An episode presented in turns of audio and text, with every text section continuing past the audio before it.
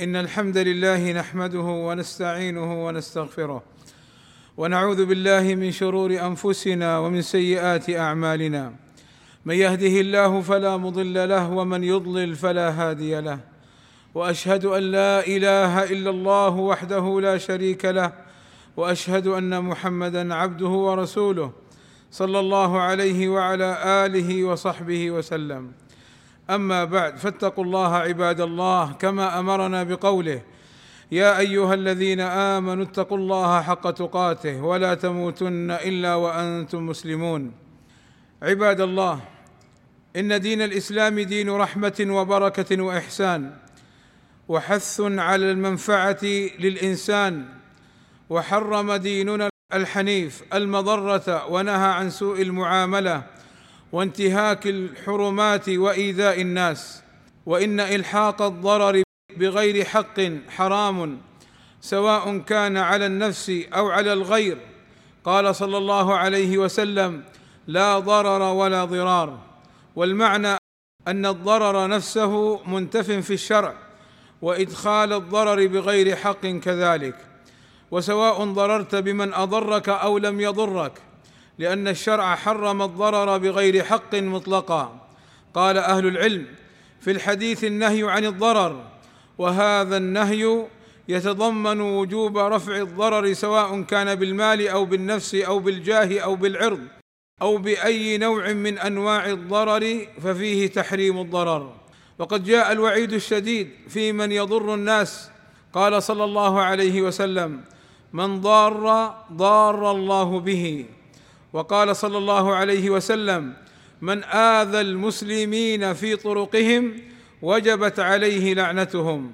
فمن آذى المسلمين بنحو وضع حجر أو شوك فيها أو تغوط أو بول أو حفر شيئا استحق اللعنه ممن تضرر به.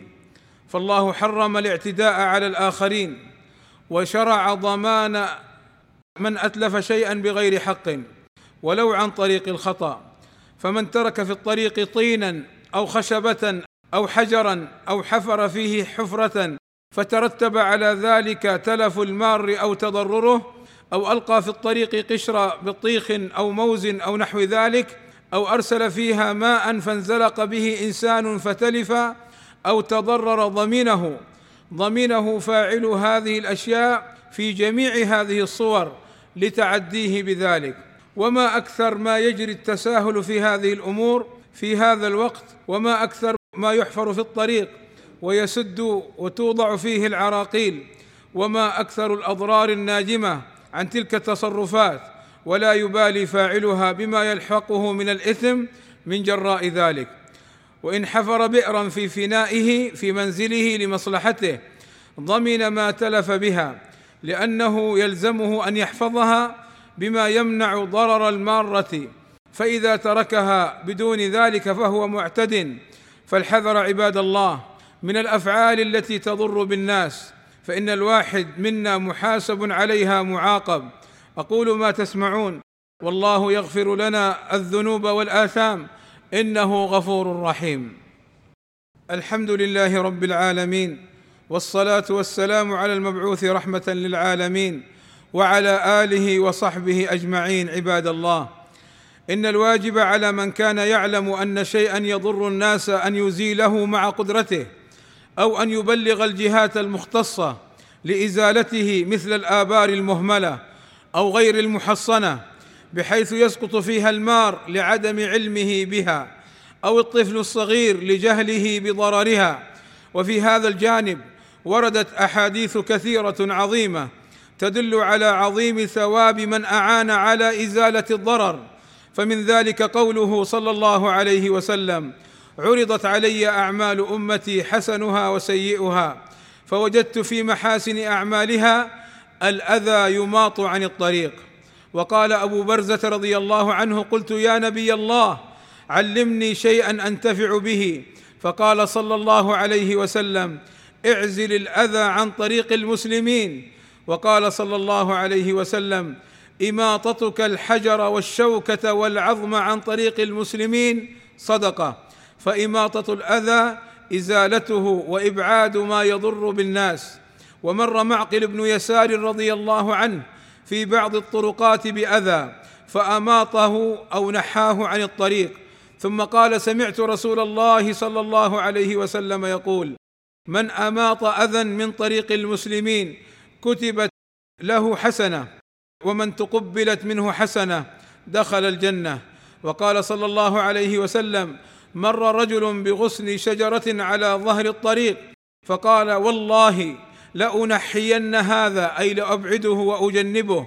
والله لأنحين هذا عن المسلمين لا يؤذيهم. فأدخل الجنة. فلنتعاون عباد الله جميعا على هذا الأمر ونتواصى عليه. أن نزيل كل ما يضر بالناس إذا قدرنا على ذلك أو أن نبلغ الجهات المختصة لإزالته. فهذا من التعاون على البر والتقوى. عباد الله إن الله وملائكته يصلون على النبي. يا أيها الذين آمنوا صلوا عليه وسلموا تسليما. اللهم صل على محمد وأزواجه وذريته كما صليت على آل إبراهيم وبارك على محمد وأزواجه وذريته كما باركت على آل إبراهيم إنك حميد مجيد. وارض اللهم عن الخلفاء الراشدين أبي بكر وعمر وعثمان وعلي وعن جميع أصحاب النبي صلى الله عليه وسلم. اللهم آتنا في الدنيا حسنة وفي الآخرة حسنة وقنا عذاب النار. اللهم فرج همومنا واكشف كروبنا ويسر أمورنا. اللهم اغفر للمسلمين والمسلمات والمؤمنين والمؤمنات الأحياء منهم والأموات. اللهم وفق ولي أمرنا الملك سلمان ابن عبد العزيز لما تحبه وترضاه. وأصلح اللهم به العباد والبلاد واحفظه اللهم من كل سوء. اللهم وفق ولي عهده محمد ابن سلمان إلى كل خير. اللهم احفظه من كل سوء. اللهم أيدهما بتأييدك ووفقهما بتوفيقك. وأعز بهما الإسلام والمسلمين وصلى الله وسلم على نبينا محمد وعلى آله وصحبه أجمعين والحمد لله رب العالمين.